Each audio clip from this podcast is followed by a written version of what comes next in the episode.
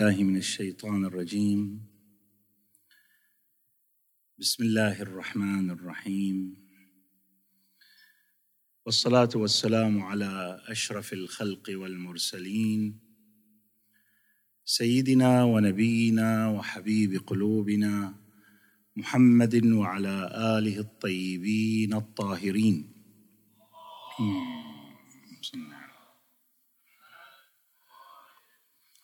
الذين أذهب الله عنهم الرجس وطهرهم تطهيرا واللعن الدائم على أعدائهم أجمعين إلى قيام يوم الدين.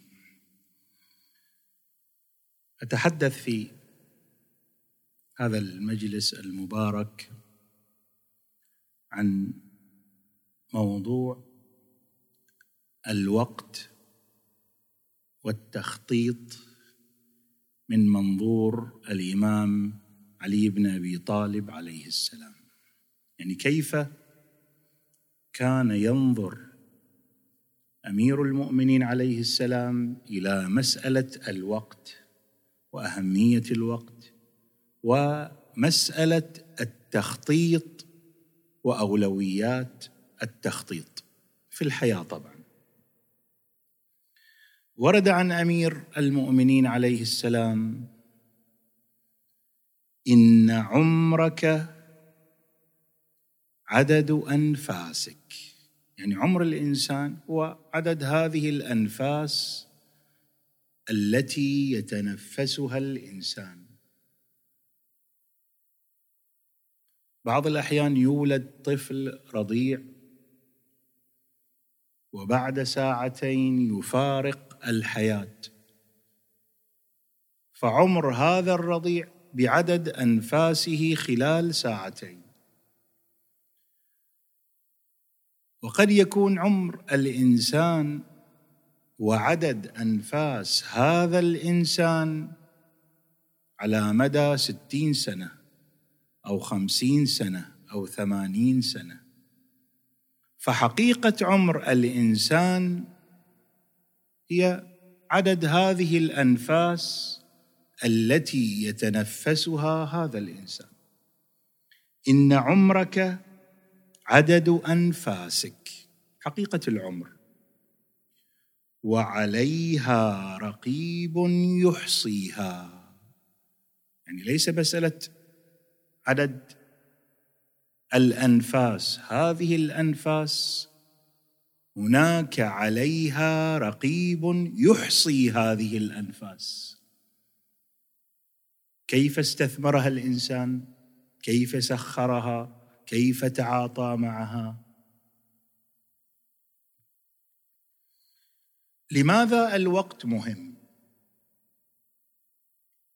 الوقت في حياة الإنسان هو رأس ماله وهو الرصيد الأكبر الذي وهبه الله سبحانه وتعالى إياه. وهناك من يستثمر هذا الرصيد هذا الرأس مال في تجارة رابحة. وهناك من يفرط في رأس المال فحينئذ يخسر تلك التجارة ويكون مغبونا. إذا استفاد الإنسان واستثمر الوقت بالشكل الصحيح حينئذ سوف يصل إلى هدفه المنشود ويحقق الإنجازات. أما إذا فرط في الوقت ضيعه سوفه فحينئذ سوف تكون عاقبته الندم والخسران. نأتي بمثال واقعي. لو كان هناك مريض بمرض عضال وأخبره الطبيب بأنك بعد ثلاثة أشهر أو أربعة أشهر سوف تفارق هذه الدنيا.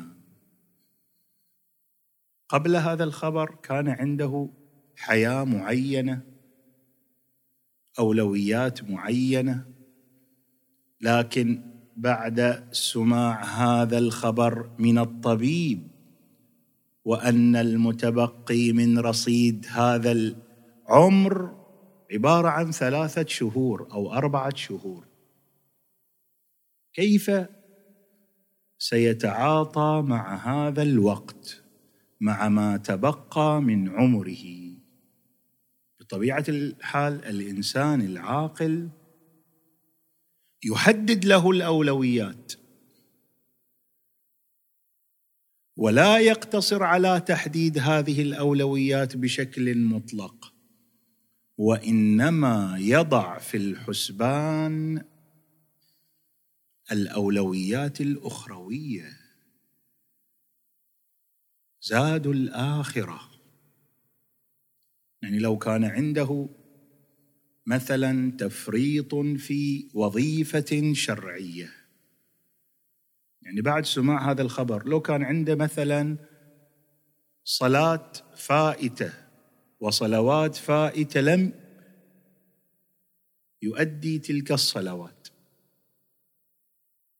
هل هذا سوف يفكر في رحلة ترفيهية أم تكون الأولوية هي أداء ما في ذمته من حقوق شرعية؟ لأنها تمثل الزاد الأخروي لتلك الحياة الباقية. الأولويات تختلف. لماذا؟ لأنه التفت إلى الهدف الحقيقي. هذه الأولويات لا بد أن ترتبط بالهدف والهدف على مستويات. تارة يكون هدف محدود جدا. وتارة يكون لا هذا الهدف هدف حقيقي. يرتبط هذا الهدف بهدفية خلق الإنسان في هذا الوجود. وما خلقت الجن والإنس إلا ليعبدون. التكامل الوصول إلى الله سبحانه وتعالى القرب من الله سبحانه وتعالى. هذا إذا واحد أخبر الطبيب بأنك سوف تبقى لمدة ثلاثة أشهر. وهنا يأتي السؤال المهم. هل يعلم الفرد منا متى سيأتيه ملك الموت ويطرق الباب عليه؟ ربما هذا الإنسان في كامل الصحة والسلامة يأتي له ملك الموت فجأة من دون استئذان. ويقبض هذه الروح ويرجعها إلى بارئها. يعني المسألة مو تتوقف مسألة الموت ومغادرة هذه الدنيا لا تتوقف فقط على الإنسان المريض أو الإنسان الكبير الذي قضى عمرا مديدا في هذه الحياة. لا. مسألة الموت مسألة تصيب كل إنسان.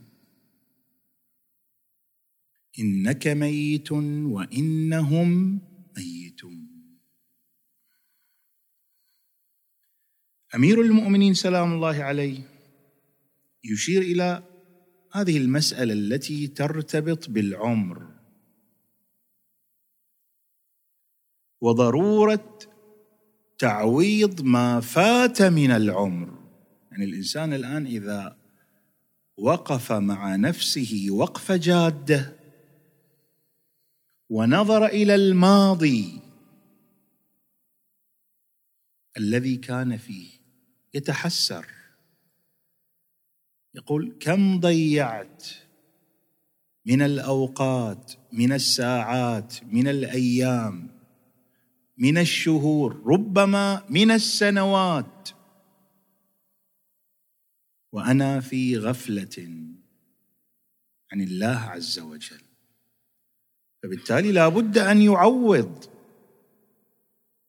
فلذا يقول أمير المؤمنين سلام الله عليه. لو اعتبرت بما أضعت من ماضي عمرك إن هذا الإنسان إذا كان فعلا التفت بأنه ضيع الكثير من ماضي عمره.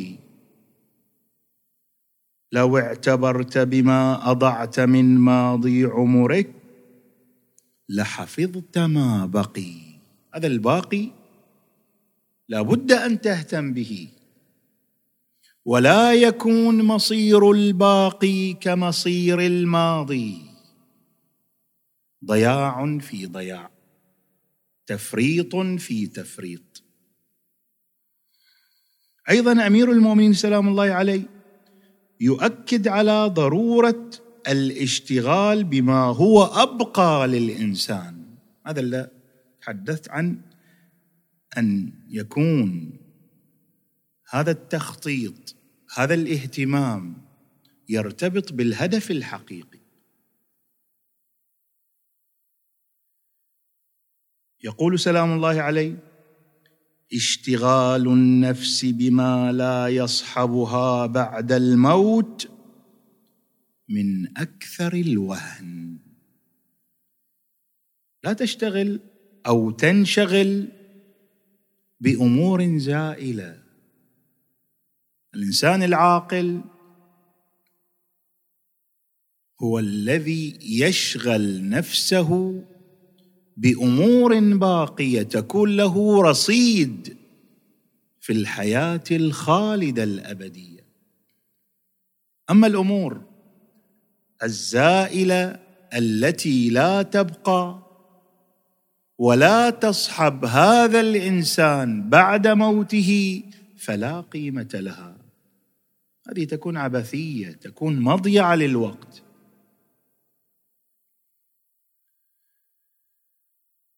هل هناك أهمية للتخطيط في الحياة؟ يعني لو قارنا مثلا بين شخصين شخص عنده هدفية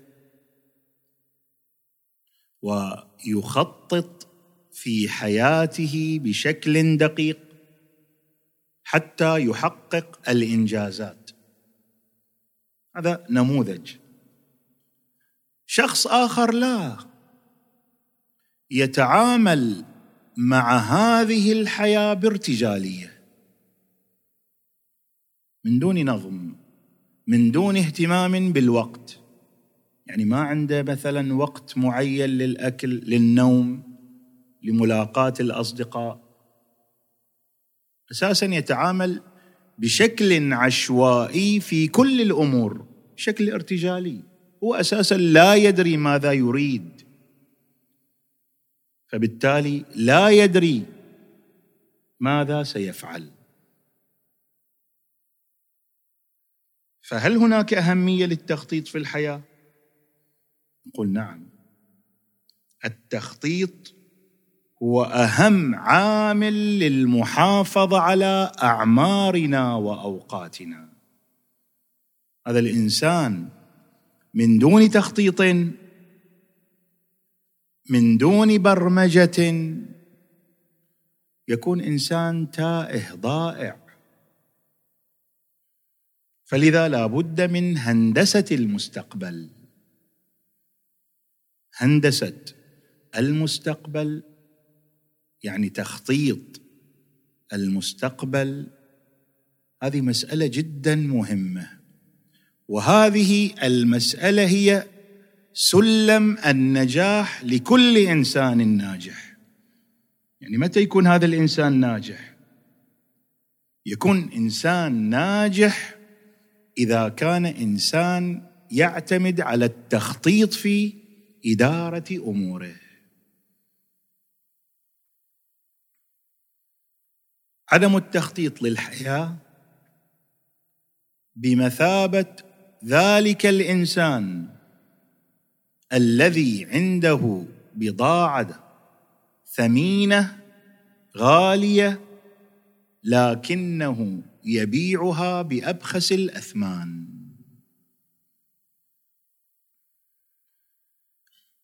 بطبيعة الحال للتخطيط منهجية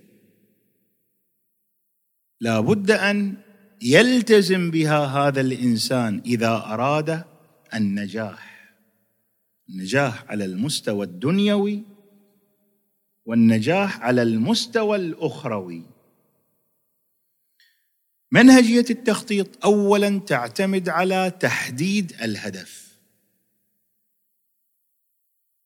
تحديد الهدف ووضوح هذا الهدف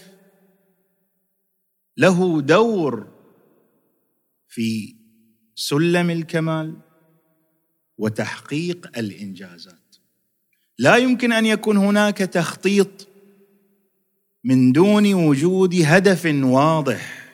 أساسا أنا لماذا أريد أن أخطط؟ لماذا أريد أن أعمل؟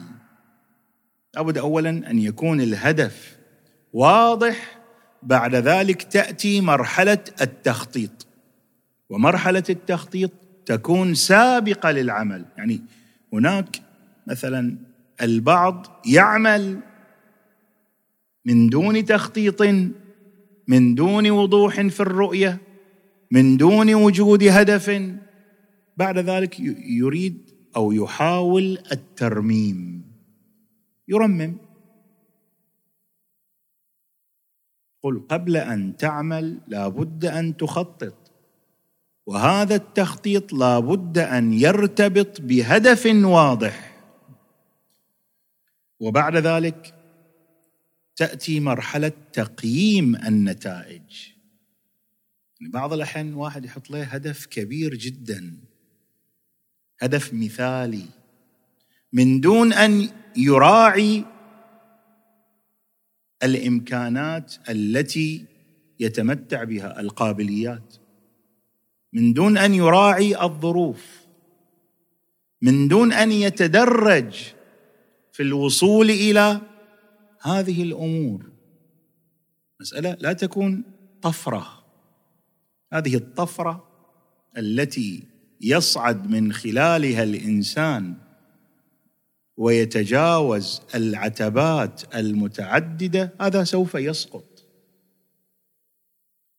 فبالتالي لا بد من تدرج لا بد من تقييم النتائج لا بد من دراسة موضوعية لإمكانات الشخص قابلية الشخص قدرات الشخص حتى ينسجم هذا التخطيط مع كل هذه الأمور. يعني للأسف حتى على المستوى الأسري. وهذه سلبيه تكون هناك تفاوت بالنسبة للقابليات عند الأولاد. في الأسرة الواحدة.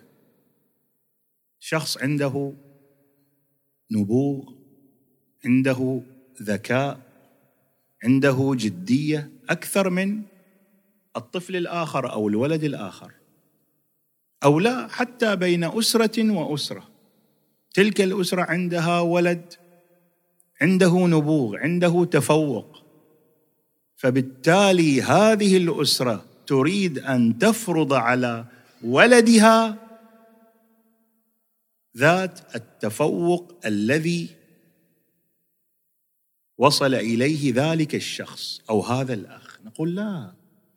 لابد أن نقيم الأشخاص بحسب قابلياتهم بحسب قدراتهم ولا نفرض عليهم أولويات أو تخطيط أو برنامج لا يمكن أن يتحملوا لابد أن نكون موضوعيين واقعيين. المثالية في هذه الأمور تؤدي إلى السقوط في الهاوية. يعني افترض مثلا هذا الشخص عنده ولد. هذا الولد لا توجد عنده قابلية لأن لكي يصبح طبيبا. لكن هذا الأب أو تلك الأم تفرض عليه هذا المسار. من دون أن تلاحظ القابليات التي يتمتع بها هذا الطفل أو تلك الفتاة. ربما لو ذهب في مسار آخر يكون مبدعا فيه. لكن هذا المسار الذي فرض عليه لا يتناسب مع رغبته لا يتناسب مع قابليته لا يتناسب مع اهتماماته. فبالتالي من الواضح أنه لن يصل ولن يحقق الإنجاز. فلذا لا بد من اعتماد منهجية التخطيط. تحديد الهدف وضوح الهدف. التخطيط قبل العمل. تقييم النتائج. حتى يتحقق النجاح بشكل سليم. وهذه الهندسة هندسة المستقبل لا تختص بالمستقبل الدنيوي. وإنما لها أولوية للمستقبل الأخروي. يعني حتى الآخرة تحتاج إلى تخطيط. هذا الإنسان إذا أراد أن يحشر مع أمير المؤمنين عليه السلام في تلك النشأة الخالدة يحتاج إلى تخطيط حتى يحقق هذا الهدف. هذا هدف كبير. هذا الهدف الكبير. يحتاج إلى عمل يحتاج إلى برنامج حتى يصل إليه الإنسان. يعني التخطيط والهندسة للمستقبل لا تختص بالمستقبل الدنيوي بل الأولوية للمستقبل الأخروي. فلذا يقول أمير المؤمنين عليه السلام تأخير التوبة اغترار. قد هذا الإنسان يتعاطى مع المعصية جهلا وغرورا وغفلة. فالمعصية هي مانع من تحقيق الإنجاز المتمثل في التكامل. والقرب إلى الله سبحانه وتعالى. معصية لا تتلائم مع هذا التكامل. التكامل يحتاج إلى توبة صادقة يحتاج إلى عمل صالح. لذا يقول أمير المؤمنين سلام الله عليه تأخير التوبة اغترار. هذا قد يقول والله أنا الآن شاب والحياة مقبلة. وهذه المسألة مسألة التقرب إلى الله عز وجل بناء المستقبل الأخروي هندسة المستقبل الأخروي. سوف تأتي إن شاء الله بعد أن أتجاوز المرحلة العمرية المعينة. يعني الآن أنا عمري مثلا خمسة عشر سنة. إذا وصلت إلى الاربعين بعدين إن شاء الله نفكر في الآخرة. لا. تأخير التوبة اغترار وطول التسويف حيرة. هذا الذي يؤخر يسوف. وبعد ذلك يتفاجأ بملك الموت وهو غير مستعد.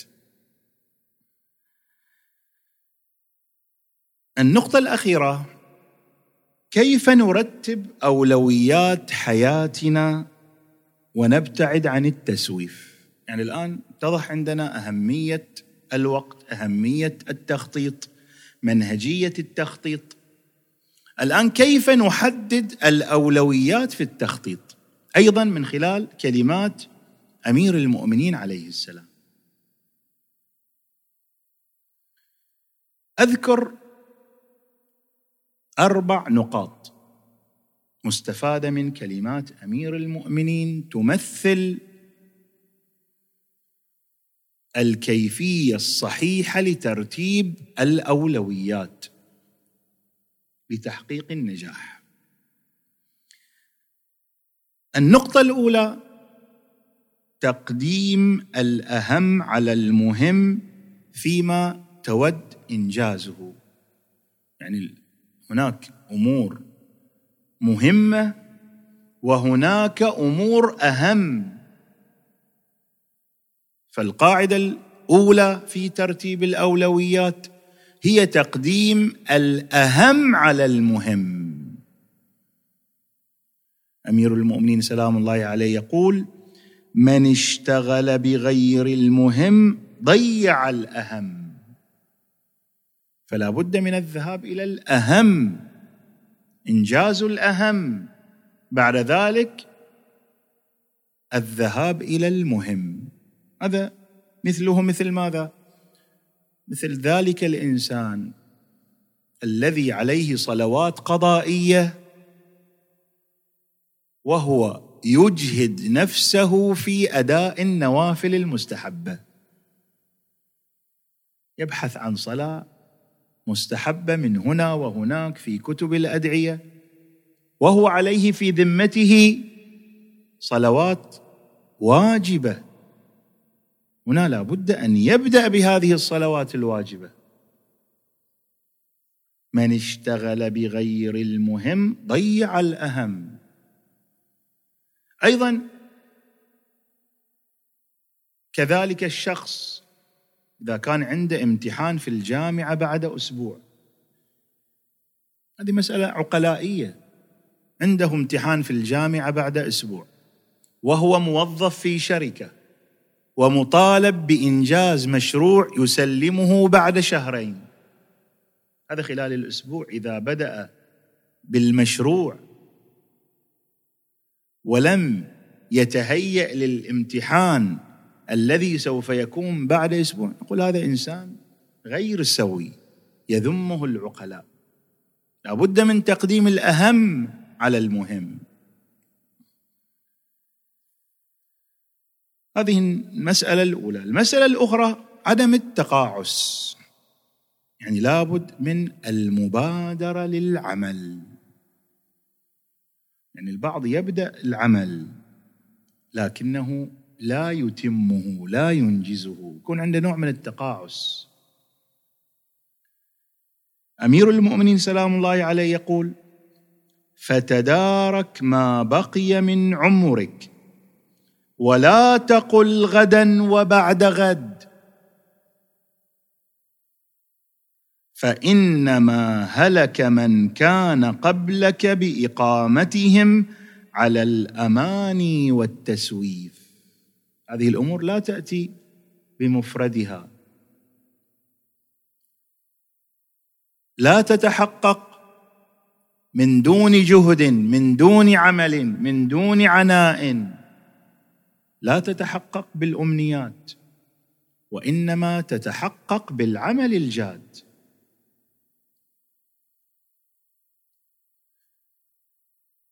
فإنما هلك من كان قبلك بإقامتهم على الاماني والتسويف حتى أتاهم أمر الله بغتة وهم غافلون. هذا الأمر الثاني. الأمر الثالث الدقة في اتخاذ القرار. والنظر إلى عواقب الأمور. يعني لابد من التأني التروي. في بداية اتخاذ القرار هذه مسألة مهمة. أيضا النظر إلى عاقبة الأمور خواتم الأمور. يعني يكون في البداية عندنا نوع من التروي التأني عدم الاستعجال. أيضا في الوقت ذاته ننظر إلى خاتمة هذا الأمر. كيف ستكون عاقبته إذا أقدمت عليه؟ ما هي المحتملات في هذا الجانب؟ أمير المؤمنين عليه السلام أيضا يؤكد على هاتين المسألتين. يقول التدبر قبل العمل مو أثناء العمل قبل العمل. التدبر قبل العمل يؤمنك من الندم. متى الإنسان يندم؟ يندم إذا بدأ العمل من دون تفكر وتدبر. يعمل بعد ذلك يفكر. هذا الذي سوف يندم. بخلاف ذلك الإنسان الذي اولا يفكر يتدبر ينظر في الأمر بعد ذلك يبدأ بالعمل. هذا على مستوى البداية. أيضا على مستوى النظر إلى عاقبة الأمور. يقول سلام الله عليه من تورط في أمر بغير نظر إلى عواقبه فقد تعرض للنوائب. ليس المطلوب فقط أن يكون هناك ترو في الابتداء بالعمل التفكير قبل العمل. أيضا نحتاج إلى النظر إلى عواقب هذا العمل. ما هي عواقب؟ الشروع في هذا العمل. من تورط في أمر بغير نظر إلى عواقبه فقد تعرض للنوائب. مشكلات عقبات في هذا الجانب. النقطة الرابعة في تحديد الأولويات وعملية التخطيط الاستشارة. يعني هذا الإنسان مهما امتلك من خبرة في الحياة لا يستغني عن استشارة أصحاب العقول الراجحة. مسألة الاستشارة تختصر الوقت الكثير. هذا الإنسان إذا لم يستشر ربما يبدأ بعمل من دون أن يدرك عاقبة هذا العمل في حين أنه يستطيع أن يستفيد من تجارب الآخرين من خلال الاستشارة لمعرفة عواقب هذه الأمور. أمير المؤمنين عليه السلام يقول من استبد برأيه هلك. هذا الإنسان اللي يعتد برأيه يرى في نفسه بأنه دائما على صواب. وغيره على خطأ. هذا مستبد برأيه. الاستبداد بالرأي يتنافى مع الهدف الذي وضعه. من استبد برأيه هلك. ومن شاور الرجال شاركها في عقولها. أنت تستشير. ومن خلال الاستشارة تنفتح لك آفاق كثيرة خيارات متعددة. بعد ذلك تستطيع أن تتخير في هذا الجانب. هكذا كانت شخصية أمير المؤمنين سلام الله عليه. هذه الشخصية العملاقة في كل أبعادها. أمير المؤمنين عليه السلام هي الشخصية الأولى في الإسلام بعد النبي صلى الله عليه وسلم. فلذا حتى أعداء أمير المؤمنين عليه السلام تحيروا في شخصيته. حتى خصوم أمير المؤمنين كانوا يحترمونه.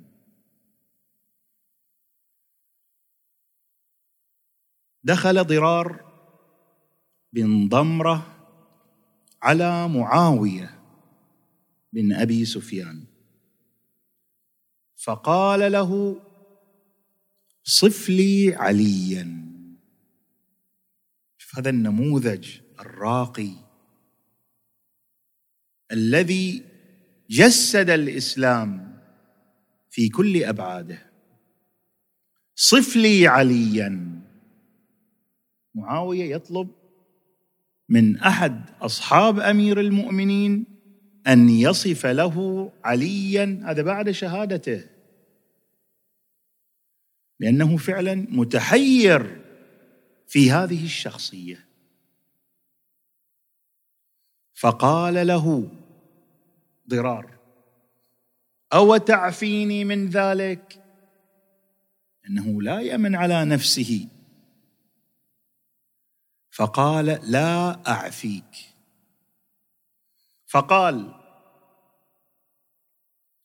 كان والله بعيد المدى. شديد القوى. يقول فصلا ويحكم عدلا. يتفجر العلم من جوانبه.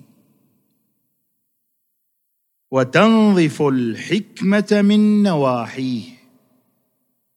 يستوحش من الدنيا وزهرتها. ويستأنس بالليل ووحشته. إلى أن قال ضرار. وأشهد بالله لقد رأيته في بعض مواقفه. هذا أمير المؤمنين.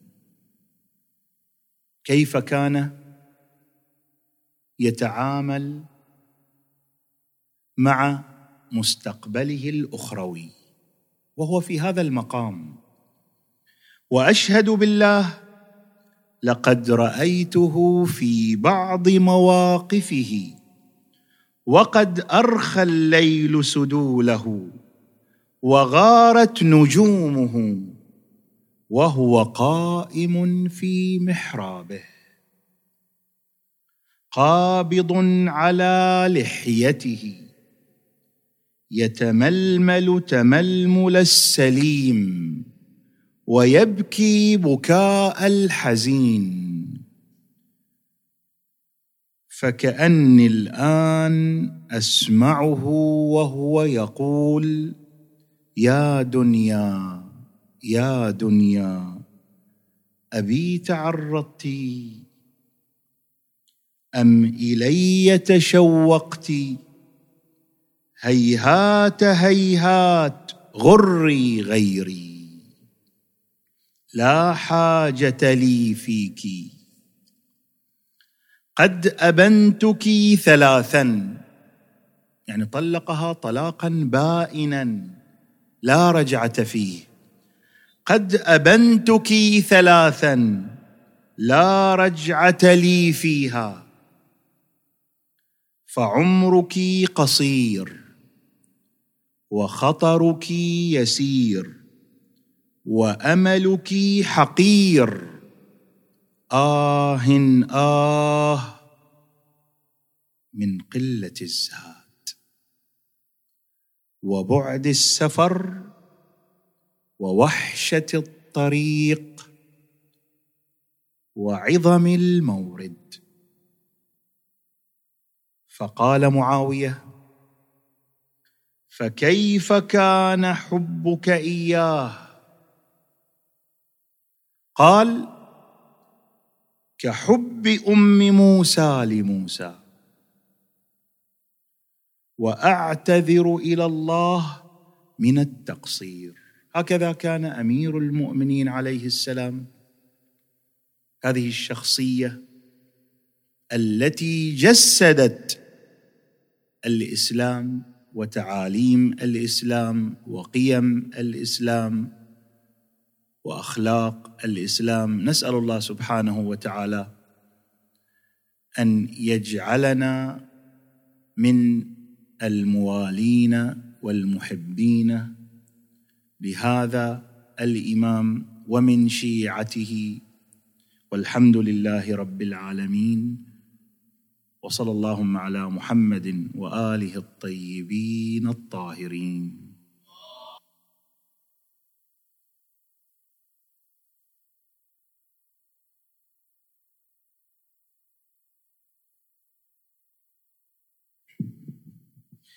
أفلح من يصلي على محمد وآل محمد.